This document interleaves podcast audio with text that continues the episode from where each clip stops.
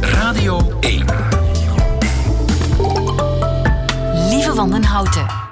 Nieuwe feiten. Dag, dit is de podcast van Nieuwe Feiten van donderdag 27 september. In het nieuws vandaag dat mannen in Sint-Petersburg in Rusland voortaan op eigen risico aan manspreading doen. Manspreading, inderdaad, wijdbeens gaan zitten, bijvoorbeeld op de metro. Want een 20-jarige studente in de rechten is op kruistocht tegen uw lompe ventengedrag met bleekwater. Al 70 manspreaders kregen een flinke geut Chavel over hun kruis. Het spul is 30 keer geconcentreerder dan het gewone huis, tuin- en keukenproduct.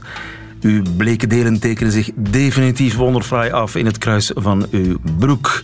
En u bent ook gefilmd en in geen tijd staat uw kruis op YouTube. U bent gewaarschuwd, voorlopig alleen in Sint-Petersburg. Legaal is het niet, maar geen enkele man heeft al klachten ingediend. Dit zijn vandaag de nieuwe feiten. Diplomatieke hoogspanning tussen Zweden en China na een satirisch filmpje van de Zweedse versie van De Ideale Wereld. Nieuw en Belgisch tussendoortje, de krekelreep. En 50 jaar na het ezelsproces stelt de VPRO zich de vraag hoe vrij is de kunstenaar vandaag? En ja, Frank de Bozere, zijn weerpraatjes zijn eindelijk geremixed tot een dicht bundel. Het middagjournaal komt van Geert van Istendaal. Veel plezier. Lieven van den Houten. Nieuwe feiten. Van het een komt het ander. Zo gaat het ook in de relaties tussen landen. En zo is het serieus scheef komen te zitten tussen China en Zweden deze dagen. Het begon nogthans heel klein met een banaal misverstand in een hotel in Stockholm. Marcel Burger, goedemiddag. Goedemiddag. Onze man in Stockholm. Wat is er, het is een paar weken geleden, in dat hotel in Stockholm gebeurd? Ja, er waren drie Chinese toeristen en zij hadden geboekt, maar voor een andere dag. Dus zei het hotel, allee, u kunt er niet blijven, u moet weggaan. De toeristen werden kwaad en die zeiden van, ja, maar we kunnen toch wel hier in de lobby blijven, in de hal, en daar willen we ook wel voor betalen. Maar uh, het hotel zei, nee, daar kunt u niet blijven. En uiteindelijk moest de politie daar opgetrommeld worden door de hoteleigenaar, omdat de toeristen echt niet weg wilden. En de politie heeft ze toen achtergelaten, vlakbij een metrostation uh, in een... Uh, ja, bij een begraafplaats eigenlijk.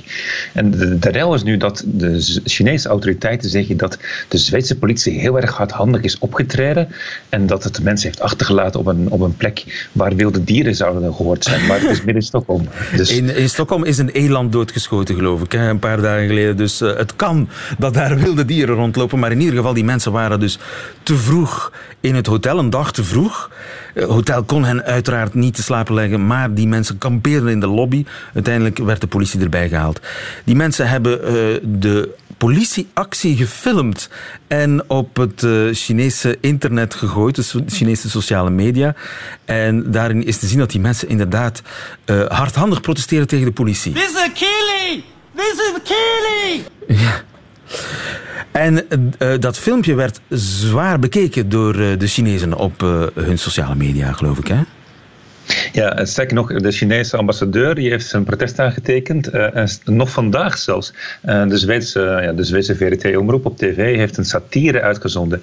En dat is ook niet goed gevallen bij de Chinese autoriteiten in, in Peking. En daar is nu een officieel ja, excuus voor gekomen. Maar de Chinese autoriteiten zeggen, ja, dat accepteren wij helemaal niet. Dus de relatie tussen China en Zweden, die verslechtert al. Ja, ja, maar je gaat heel snel. Want dan, dan, er was al na die politieactie, was er al protest van de Chinese ambassade. Sweden to address the concerns from China and take concrete measures to safeguard the security and legal rights of Chinese tourists. Ja, en toen pas uh, ging de televisie er zich mee moeien.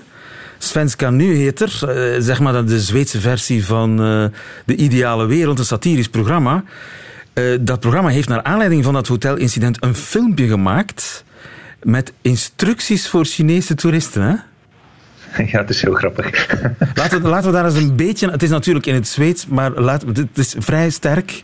Laten we daar eens uh, naar luisteren. Dus uh, jullie zijn welkom bij ons in Zweden. Välkommen högt ärade kinesiska toerist. Hooggeëerde Chinese toeristen. tips för att undvika een paar tips krockar.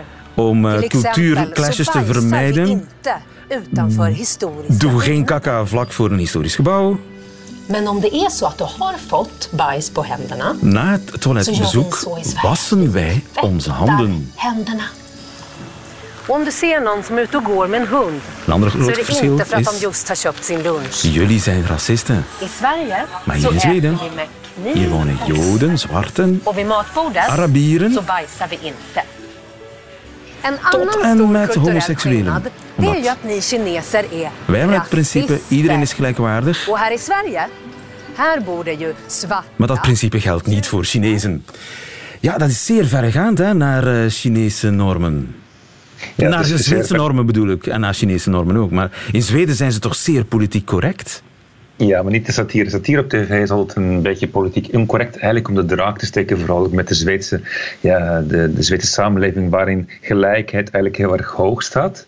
Maar in de praktijk het dus niet altijd zo is. En dat merkten ja, die Chinese toeristen. Daar valt over te discussiëren of die inderdaad eh, goed zijn behandeld of niet.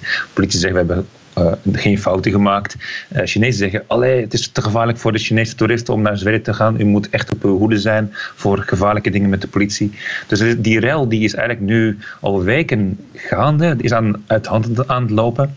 Is voor de Zweden eigenlijk wel kwalijk, want de Zweedse toeristen die brengen toch geld in het laag hier. Ja, want de programmamakers die hebben dat filmpje ook gepost op de Chinese versie van YouTube. Gedubt in het Chinees. Dat is natuurlijk heel gevaarlijk. Hè? Als, je, als je dat satire... Zo van, jullie zijn welkom in eh, Zweden, jullie Chinezen. Maar eh, hou uw manieren kak niet tegen onze gevels. Als je dat in het Chinees gedubt op de Chinese YouTube zet, dan, dan vraag je wel om problemen. Hè? Ja, maar het ligt ook een klein beetje aan hoe Zweden is. Zweden vindt zichzelf heel erg goed, heel erg stoer en zegt dan graag tegen andere landen dat ze dat slechter doen. Dat ze bijvoorbeeld geen democratie hebben of dat ze daar geen tijgers mogen doden. En ja, hier in Zweden worden dus wolven gedood, elanden, dus in Stockholm ook. Ehm, dus die, die twee speling eigenlijk in de Zweedse samenleving, daar komt het eigenlijk vandaan. De, de Zweedse omroep heeft wel zijn excuses aangeboden, maar ja, het kwaad is al geschied. Hè? Ja, dus de, de omroep heeft echt zijn excuses aangeboden. Ja, maar de Zweedse ambassadeur heeft het niet geaccepteerd. Dus de Zweden eh, en China zitten nog steeds in een diplomatieke ruil.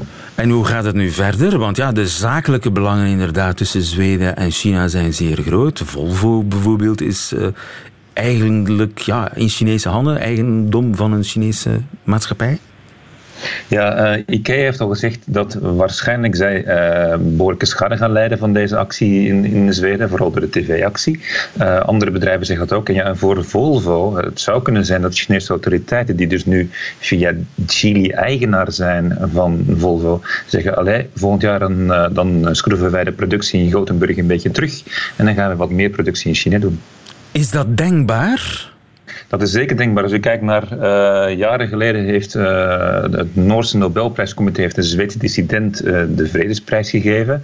daar hebben twee jaar lang hebben Noorse bedrijven daar enorm last van gehad. Bedrijven die, grote Noorse bedrijven die waren bezig met het opstarten van hun eigen ja, afdeling in China, die konden twee jaar lang eigenlijk geen zaken doen. Dus dit kan een enorme schade betekenen voor de Zweedse industrie. Ja, als de Chinezen beslissen massaal IKEA te boycotten, als Geely, of hoe heet die, dat, autobedrijf, beslist om uh, de productie van Volvo wat meer naar China te verleggen, ja, dan, dan sta je daar als zweet met je prachtige principes van vrije meningsuiting en satire. Ja, precies. Dus de, de schade, ja, die, of die inderdaad groter zal worden, de kans is heel groot als je kijkt naar het verleden, als hoe China is omgegaan met Noorwegen, dat kan ook in Zweden gebeuren. Dat uh, uh, zal nog zware gevolgen hebben. Hou ons op de hoogte van wat daar gebeurt in de Chinees-Zweedse relaties die ja, heel erg op hoogspanning beginnen te lijken. Dankjewel in Stockholm voor ons, Marcel Burger. Een goedemiddag. Maar voor de Peps Blootsband is er nog altijd niks aan de hand. Al deles lagom. Radio 1. Nieuwe feiten. Uh, iemand nog een hapje krekels? Ik weet het, het klinkt absurd, maar als het van Michiel van Meervenne afhangt, komt daar snel verandering in. Dag Michiel. Goedemiddag. Lieve. Wat heb jij meegebracht? Ik heb uh, een paar reepjes cricket meegebracht. En dat is cricket? de eerste Belgische krekelreep. Krekelreep. Ja. Ik moet dat even tot me laten doordringen. Nu heb ik, het is, ja, hoe laat is het? 23 uur. 23 over 12. Een lichte honger maakt zich van mij meester. Ik zou zeggen, val aan. Maar dit is dus een... Het ziet eruit als... Het ziet er zeer gezond uit. Het is ook heel gezond. maar het is niet alleen heel gezond, het is, het, is, het is nog van alles. Het is, uh, het is duurzaam, het is, het is nieuw, het is innovatief, het is ook heel lekker. Vooral in de eerste plaats. Hoop ik, maar proef wel zelf. Oké, maar... oeh. Oké, het ziet er ehm, uit als een soort ja, gezondheidsreep zo met allerlei zaden. Het ziet eruit als een gewone notenreep eigenlijk, klopt. Ik zie helemaal geen krekels. Nee, dat is inderdaad deel van het, van het concept. Dus we gebruiken krekelmeel. Dat zijn eigenlijk de gedroogde, vermalen krekels, zodat je ze niet ziet inderdaad. Dus uh, zodat je het eigenlijk een beetje makkelijker maakt uh, voor mensen om, om, om toch die krekel te eten. Zonder dat je die dat, ziet. Dat meel is een soort van bindmiddel. Dat zit tussen die nootjes. Uh, dat zit tussen die nootjes inderdaad. Dus dat is zodanig fijn vermalen dat je dat niet ziet. Ik ruik het ook niet eigenlijk. Nee, klopt. Het is een heel, krekels hebben op zich een heel zachte, notige smaak. Dus uh, we hebben het daarom ook verwerkt in een recept met, met nog heel veel andere noten, granen, zaden. Zodat het heel mooi meegaat in die mix van smaken. Ja. Nou, ik proef eigenlijk helemaal niks bijzonders. Dat is, dat is ook zo, dat klopt ook. Dat is ja, het, het, echt, het, het idee achter, achter dit concept is, is... Heel veel mensen hebben wel al eens gehoord van insecten. Voedsel van de toekomst wordt wel eens gezegd. Is ook extreem interessant. Waarom? Omdat het zo duurzaam is. En het is ook heel gezond. Het zit bomvol hoogwaardige eiwitten. Maar er is dat ene probleempje. En dat is dat mensen het niet durven, omdat we het niet gewoon zijn hier. Dus wat we dachten... Het zijn er landen waar ze wel krekels eten of insecten 80% eten? van de wereldbevolking eet een of ander insectensoort. Dus niet allemaal krekels, maar wel... Er zijn meer dan 2000 insectensoorten die vandaag gegeten worden over heel de wereld. Zijn er ook lekkere insecten bij? Tuurlijk, tuurlijk. En dat is net de essentie van het verhaal. Er bestaat ja, ondertussen... Dus ze hebben onder, onderscheiden smaken. Dus je kunt oh, oh Zeker en vast. Lekkere krekel vandaag. Ja, ja. ja, nee, tuurlijk. Er bestaan zoveel verschillende soorten insecten. En, en het mooie daarvan is, um, die worden overal ter wereld gegeten. Waarom? In de eerste, er zijn andere redenen, maar in de eerste plaats omdat die lekker zijn. Er zijn heel veel landen waar dat een absolute delicatesse is. Um, van Congo tot Mexico tot Thailand, noem het op. Het zijn eigenlijk allemaal landen waar ze niet één, maar vaak tientallen verschillende insectensoorten eten. Net om, net om de culinaire waarden eigenlijk. Ja. En het is een, een milieubewust uh, alternatief voor vlees, hè? Klopt. Waar dat, ook proteïnen in zitten. Het gaat om, het gaat om de eiwitten, de proteïnen. Het, het, het gaat inderdaad om de eiwitten. Hè. Dus we weten allemaal dat we vandaag met een, met een huizenhoog uh, probleem zitten wat betreft onze vleesproductie. Dus als ik dat heel even kort kader in cijfers, daarmee heb je het eigenlijk meteen begrepen.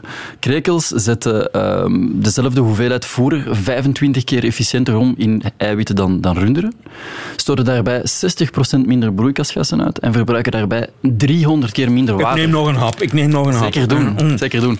Dus, uh, dus de ecologische impact is, is, is potentieel enorm, maar daarvoor moet de drempel wel naar omlaag. En dus uh, tot nu toe... Ja, maar hoe doe je dat? Ja, inderdaad, door, door dat uh, te vermalen, Ja. zodat je de, de, de, vieze, de, het vieze beest in kwestie niet Ja, ziet. ja, ja. Maar hoeveel procent... ehm, Daar, zit, daar zitten 5% krekels is in. nog niet zoveel, hè? Dat zijn er een twintigtal toch, lieve? Mm-hmm. 20 per reep. krekels. 20 krekels per reep, ja. Nou, ja. Ik heb er nu al een stuk of vier op dan. Zoiets, ja. ja, ja.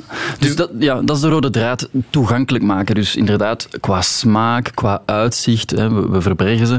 Maar het is ook veruit het goedkoopste insectenproduct op de markt. Dat is ook belangrijk. Ehm, dus Nou, uiteindelijk eten we ook garnalen, hè? tuurlijk, tuurlijk. Dit, krekels Die, worden zien, ook wel die eens... zien er niet smakelijker uit dan krekels. Dat is ook zo. En krekels worden ook wel eens fruits de terre genoemd. Hè. Een analogie met de, met de fruits de mer. Fruits de terre. Dus Ze zijn... Dat is natuurlijk de Dat sleutel. mooi, je moet het, je moet, ik- want we eten vandaag geen krekels, we eten fruits de terre. Exact. Geweldig. Klinkt goed, toch? Cricket, Crunchy Bites from Brussels. De krekelreep is een feit. Dankjewel Met, met plezier. voor je komst, Michiel.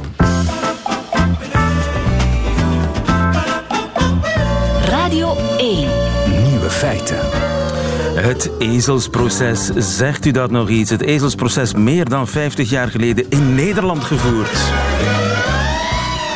Tegenschrijver Gerard Reven, die namelijk had geschreven dat hij seks wou met God in de gedaante van een ezel. En daarvoor moest hij zich dus verantwoorden voor de rechter. Maar is vandaag de kunstenaar dan zoveel vrijer? Dat is de vraag die centraal staat vanavond in een documentaire te zien op de VPRO. In die documentaire ook Tom Lanois. Goedemiddag, Tom. Ja, dat beste lieve. 1968, Reven wint het ezelsproces in hoger Ja. beroep nadat hij zelf zijn verdediging heeft gevoerd in de rechtbank Ja. zonder advocaat. Dat is toch wel Ja. een ongelooflijke krachttoer geweest, hè? Ja, vooral omdat de tekst de, waarop hij zich gebaseerd heeft, eh, volgens mij echt een tijdloze tekst is. eh, waar heel veel dingen samenkomen en niet alleen de tijdgeest. Bij veel van die processen, denk bijvoorbeeld aan Klaus, hè, Hugo Klaus, eh, wat niet zegt over zijn kunstenaarschap, maar die eh, drie blote venten opvoert als de heilige drievuldigheid. In dezelfde het periode, ja, inderdaad, aan de kust ergens. Ja, Freddy Duvré was geloof ik een van de naakte mannen. Ja, kijk, dan vraag je erom. Hè. Maar, eh, De heilige drievuldigheid afgebeeld als drie naakte mannen op het toneel. Ja, hetzelfde verhaal, ook een proces. Ja, maar dus je krijgt wel op een bepaald moment zijn processen ook een, een, eh, eh, een, een tijdgeest. Belangrijk dat we die voeren, dat we die winnen, vooral eh, als het over zoiets gaat. Maar de tekst die Gerard Rezen heeft geschreven is in mijn ogen echt de sleuteltekst voor zijn hele oeuvre. Is een prachtige literaire tekst. En is ook een tekst die echt gaat over godsdienst, spiritualiteit, seksualiteit. En hoe in de loop der tijden zich dat zo heeft kunnen vermengen dat je in een, in, in een land, Nederland, tot op de dag van vandaag, is dat toch wel, het lijkt alleen maar een seculier land, maar het is wel gegroeid vanuit godsdienstoorlogen. Yes. Dus de hele beheptheid van godsdienst en zijn taal rechtstreeks mee beïnvloed door de Statenbijbel enzovoort. Dus alles in de allereerste plaats moet beginnen met wat een fantastische tekst, waarmee vervolgens ook nog eens dat proces terecht wint. En zijn sleutelargument, dat was geloof ik, eh, dat eh, de, tot de vrijheid van de mens behoort om God eh, voor te stellen zoals hij dat wil. Eh, ja, en dat het zich verenigen seksueel met het eh opperwezen eigenlijk ook een lange traditie heeft. Eh, dus hij beroept zich op, op eigenlijk historische en, en culturele argumenten. En wat ik zeer belangrijk vind in die tekst ook, is dat hij geen aanspraak maakt op de uitzonderingspositie van de artiest per se. En dat hij zelf zegt tegenover zijn kunstbroeders op dat moment, en die dan vergelijkingen gaan trekken, en dus de kunstenaar wordt vervolgd, die zegt, nou, in Nederland kan ik in beroep gaan, en eh, eh, kijken we naar de Sovjet-Unie, daar is dat allemaal veel moeilijker. Dus hij, hij geeft een zeer eh, veelzijdig commentaar, maar de, de kern van zijn betoog is echt het ernstig nemen op dat moment van nou ja, religie, maatschappij en wat voor sommigen eh, dan merkwaardig kan lijken. Het is altijd ook met ironie. Enfin, het is een vederlichte, eh, niet, niet een ontsnappende ironie, maar het is eh, om- omdat de, de argumenten tegelijk steekhoudend zijn en zo prachtig geschreven zijn, heeft het ook iets van een, van een, van een zeer nobel schotschrift. Maar kijk, in hoofdzaak in een katholiek land, wij eh, als culturele katholiek moeten toch blijven beseffen dat mensen zich dan op een cannibalistische manier verenigen met het opperwezen. Hè, zijn bloed drinken, zijn vlees eten, als je daar letterlijk naar kijkt, Ja. dan krijg je weer iets helemaal anders. Dus het is, eh, ja, ik, het is altijd een van mijn favoriete teksten van eh, Gerard Reven gebleken. Maar met al die dingen erbij, ook de waarschuwingen aan zijn kunstbroeders van misbruik mij niet om te zeggen dat onze maatschappij verrot is, dat er dat er processen kunnen gevoerd worden, is normaal, zolang ik me maar kan verdedigen en in beroep kan gaan. Nou, dat vind ik toch ook een sterk punt. Ja, en een beroep dat hij eh, gewonnen heeft. Nu, Ja. de vraag die de documentairemakers zich stellen eh, vanavond is of eh, vandaag, meer dan 50 jaar later, de kunstenaar zoveel vrijer is geworden. Wat Ja. denk jij? Ehm, goh, dat is, er is geen eenduidig antwoord op eh, mogelijk. We moeten uitkijken voor twee dingen. En dat is één, eh, het verlangen naar barricades, waarbij het op dit moment, en dat zie je zeker op sociale media, ook heel belangrijk eh, wordt bevonden om, eh, om, om, om genegeerd of, of, of, gecensureerd te worden, omdat iemand jou defriend, omdat iemand jou van de dat wordt al snel censuur genoemd. Als iemand zijn lezersbrief van de krant gepubliceerd krijgt, is er al sprake van censuur. Nou, dat is banalisering. Ik heb voldoende gebabbeld met mensen die werkelijk in onderdrukkende regimes hebben geleefd of nog leven, om dat te kunnen zeggen. Aan de andere kant, als je kijkt naar Turkije, als je kijkt naar Hongarije, ik heb daar een lezing mogen geven een paar maanden geleden. Als je spreekt met academisch personeel en met journalisten, eh, Rusland, eh, waar hij een van mijn stukken gespeeld heeft, eh, eh, Ivo van Hoven, waar we dan een statement hebben gedaan in, in verband met journalisten, homoseksuelen. Dus de toestand in de wereld is zo dat, het, ja, dat we toch echt wel ook niet helemaal gerust erop moeten zijn. Voor mij, als we dan over een schrijfster mogen spreken, ging dat niet over een, een eh, letterlijke literair ding, maar ik was toch zeer onthutst door het ontslag van Rachida Lamrabet, die uitgerekend dan ook bij Unia werkt, een essay schrijft over de burka, waar je het heus niet over de hele lijn mee eens hoeft te zijn, maar dat als privépersoon doet en vervolgens als advocaat ontslagen wordt onder zeer hoge druk van, eh, van de overheid. Dus dat soort zaken gebeurt en gebeurt. Ja, we moeten nooit denken dat dat helemaal. Het is een beetje zoals met homofobie, weet je, Elise. Dat is nooit helemaal eh, opgelost. Het is nooit Dat opgelost. komt altijd... Nee, nee, nee, nooit. nooit. Zij, en ik Never. herinner mij vorig seizoen, geloof ik, in de KVS, de ophef over een stuk van Hugo Claus, begot. Ja. Leven en werken Ja. van eh, Leopold II, Ja. dat van racisme werd beschuldigd. Ja, nu, maar dat is natuurlijk iets anders. In die zin, eh, de discussies moeten gevoerd worden. En eh, ik neem aan, kijk, kuifje eh, in Congo moet, eh, of in Afrika moet niet verboden worden. Moet ook, mag nog uitgegeven worden, maar mocht iemand dat op deze manier opnieuw tekenen, dan mag er een stevige discussie mee samenlopen. Dus dat is nog iets anders dan wanneer een overheid zegt, we gaan dit verbieden. Of wanneer iemand zegt, ik ga een, een proces vervoeren en dat boek moet uit de handel genomen worden. We hebben intussen wel, maar dat zijn, ik vind, mindere processen. Dat was dan het proces uh, tegen, tegen Herman Brusselmans. Uh, omdat er dan nou ja, een verkeerd begrepen satire was. Maar die rechter kon op dat moment, vrees ik, omdat Herman het zich had laten ontvallen dat het zijn uitdrukkelijke wens was dat die kledingontwerpster gekwetst werd.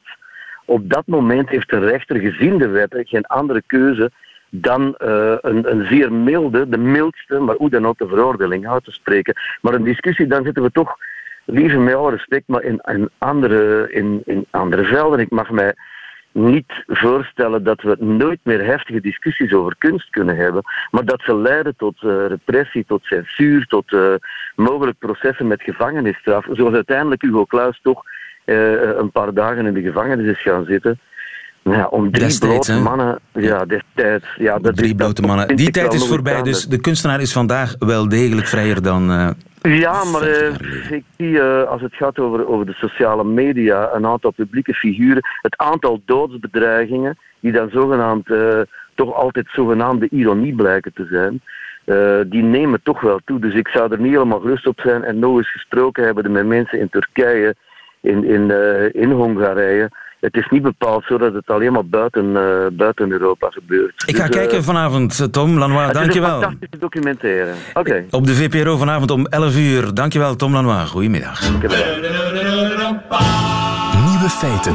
Het is gezien, zo heet de documentaire die vanavond op de VPRO te zien is op de Nederlandse televisie. Het is uh, gezien naar de slotwoorden van de roman De Avonden natuurlijk. Het is gezien, het is niet onopgemerkt gebleven. Maar laten we de meester zelf nog even aan het woord. Ja, de woorden van uh, het uh, beruchte ezelsgedicht, die hebben we niet gevonden. ik geloof nooit dat Gerard Reven dat ook echt heeft voorgelezen op radio of televisie of waar dan ook. Maar we hebben een alternatief gevonden. Ik zat met kloppend hart voor de kleurentelevisie en dacht... Zijne heiligheid zal toch wel gewacht maken van het toenemend verval der zeden? En ja hoor, nauwelijks was hij begonnen of ik hoorde al... Decadentia, immorale, multivelti cortirocchi... Influenza filmi in cinema bestiale... Contra sacrissima matrimoniacale criminale atheistarum rerum novarum et cum spiritu tuo cortomo niks aan de hand daar. Het was jammer dat het zo kort duurde. Maar toen het uit was, was er fijne muziek van het leger. Ik vind dit leven al geweldig. En straks nog het eeuwig leven in de hemel. Je vraagt je wel eens af, waar hebben wij het aan verdiend?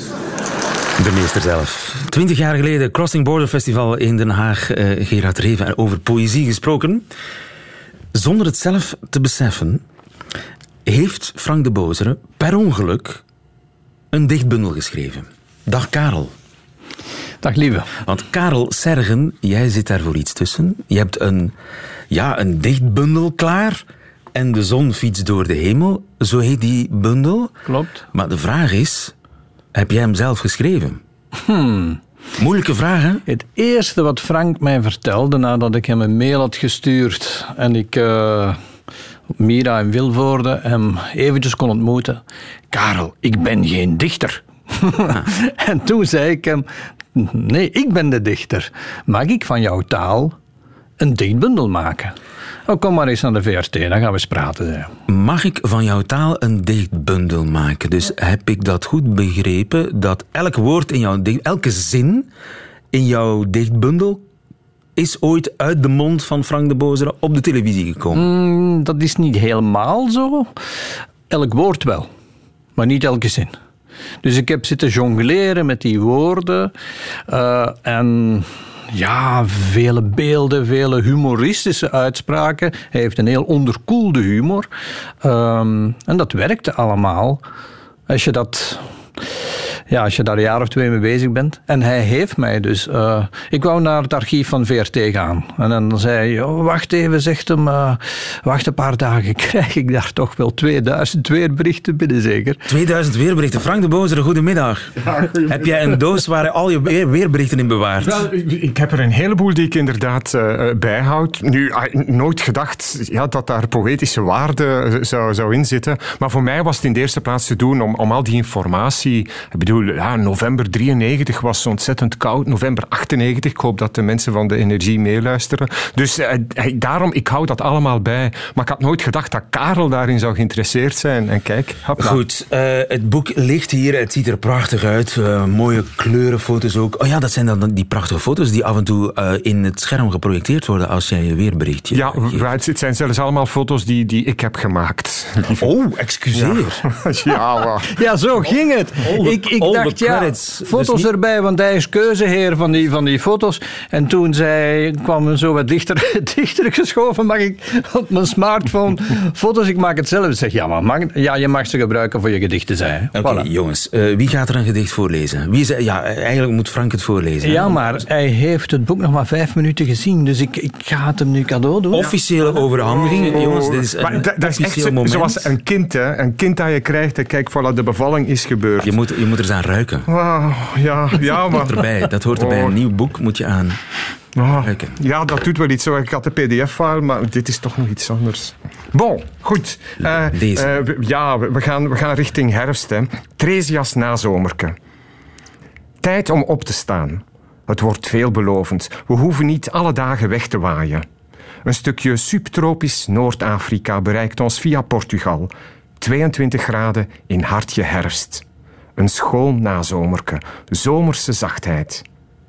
Nog gauw het gras maaien, straks gaat het bergaf.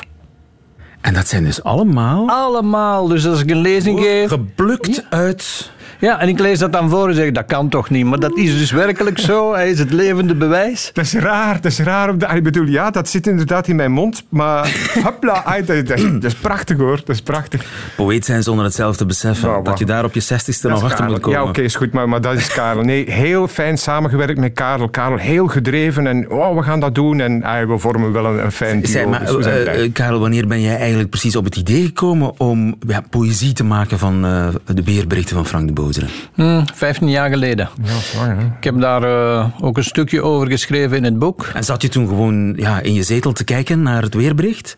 Ja, mijn zetel. Ik had een huis gekocht en ik moest dat, dat was een volledige ruïne in, in eh Jodogne. Dus eh Gilbertange-stenen. Goh, jongens, en de radio, waar ik hem vooral op beluisterde, Radio één, ja, ja, ja. dat zat vol met storingen. Dus wat deed ik? Ik ging, ik herinner me nog goed, in het midden van de winter, februari, nam een auto, een autoradio, met een papiertje en... Hij zat. En, en- ja, gewoon om te luisteren en te zien of hij weer iets uit zijn mouw zou schudden. En hij is, hij is zo Dus, dus je had een speciaal notitieboekje bij. Je ging speciaal in de auto zitten Vijf en jaar- meeschrijven. Niet meeschrijven, gewoon opschrijven. Opschrijven, ja. Ja. Als je iets hoort, oh, prachtig. Ja, Ja. maar wat doe je daar nou mee? Dus ik had uiteindelijk zo'n twintigtal eh, ja, vellen. En ik dacht, ik moet Frank dat zeggen, maar ik wist niet wat ik mee doen. En mijn vriendin zei, ja, maar als je niet weet wat je ermee gaat doen, moet je hem ook niet aanspreken. Dus mijn staart tussen mijn benen was ik terug weg. Ja. En dan ehm, ben ik op pensioen gegaan. Ik ben altijd leraar Nederlands geweest. En dan eh, zei mijn vriendin, ja, maar je hebt nu toch tijd, want zij moest nog werken. Ik zeg vooruit al, ik zal er terug aan beginnen. En ik mail hem. Ja, en ik weet da- dat nog en- goed en zijn. de rest is geschiedenis. Zeg, ik, ik, eh, lukraak pak ik een gedicht eruit. Het begint met 11 juli. De temperaturen gaan opnieuw naar de tropen. Heb je dat echt zo gezegd? Ja, ja, ja, ja, ja, ja, dat, ja, ja, ja. En, en eh, is dat eigenlijk ja, doelbewust? Probeer je daar een beetje poëzie Maar in ja, te dat- leggen? ah, maar kijk, je kan zeggen gewoon de zon schijnt, hè, maar je gaat toch een beetje op zoek naar variaties op het thema. En dat is nu het fijne aan taallieven. Ah, ja, je kan daarmee gaan spelen. Je moet wel zien dat je nooit te ver afwijkt. De mensen moeten nog weten waarover het gaat. Maar de variatie, dat brengt eh, schoonheid in het leven toch wel. Karel, heb je het ooit met Sabine geprobeerd?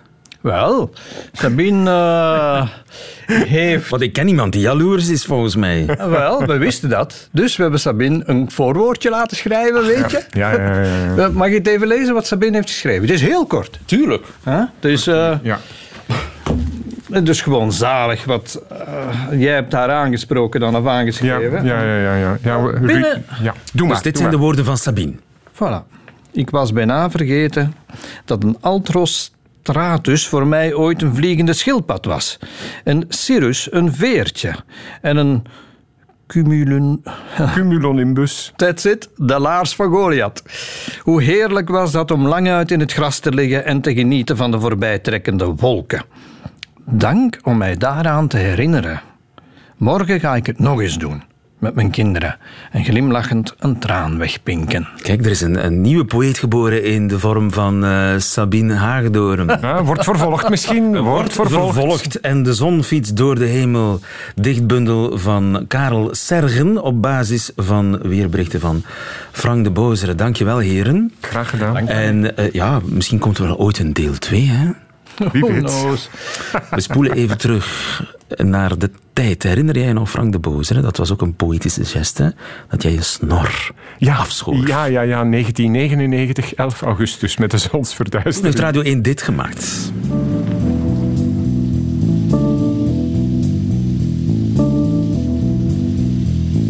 Weerman zonder snor. Weerman zonder snor. De bovenlip van Frank. De bozere is blank. Als een bliksem zonder storm. Een vishout zonder wol. Weerman zonder snor.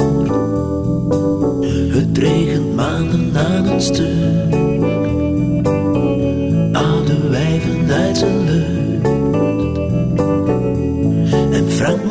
Telkens weer liegen over twee. Wat bewolkt kans op een bui, regen klettert op de ruit. Oude wijven uit zijn lucht. De weergoden zijn dit weekend in een erg slechte bui. De kleine zwevende wolkendruppeltjes metselen bovendien de autoruiten dicht. Morgen in de loop van de dag bereikt ons al een nieuwe regenzone en doen de pluviometers ze nog eens vol. Zo was het gisteren, zo wordt het vandaag.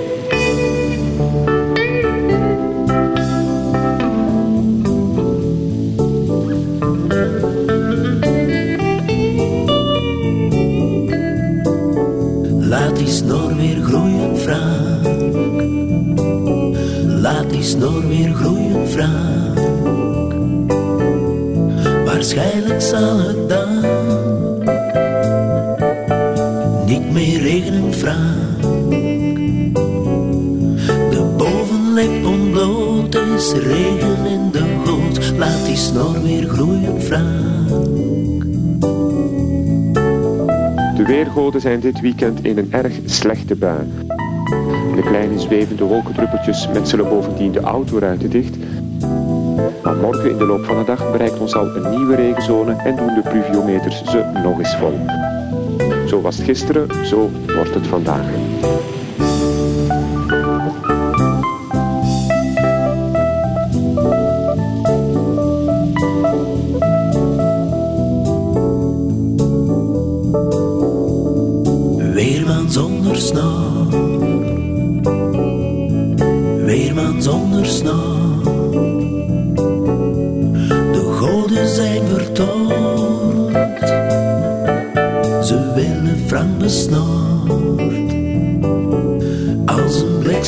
Zonder stormen, vishaak zonder weerman zonder snor.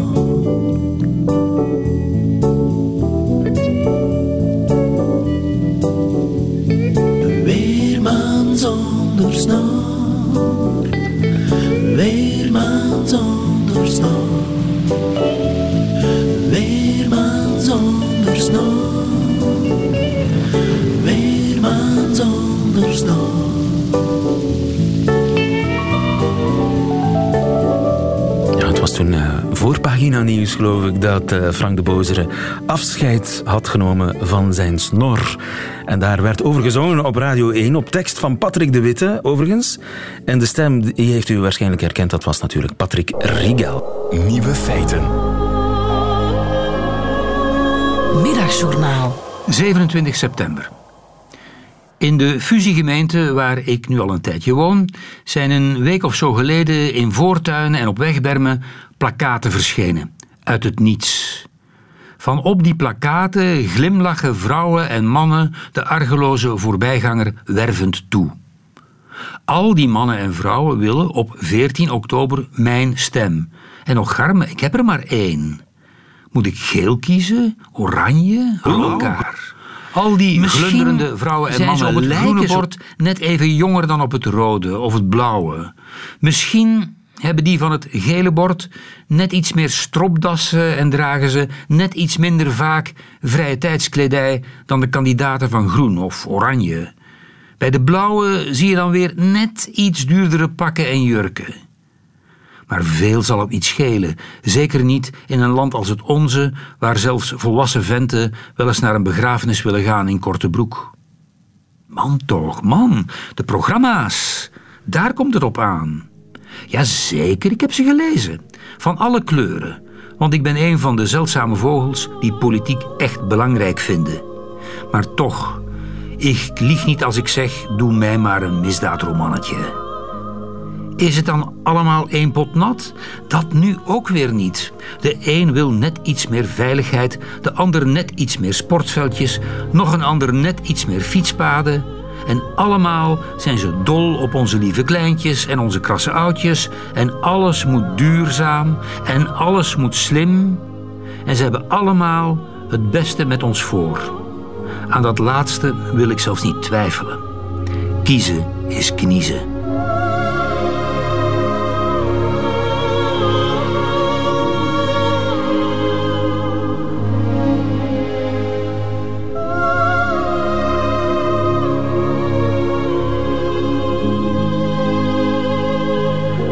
Het middagjournaal met Geert van Istendaal. Eh, meteen het einde van deze podcast. Maar u vindt er nog veel meer op radio1.be en op alle gebruikelijke podcastkanalen. Tot volgende keer.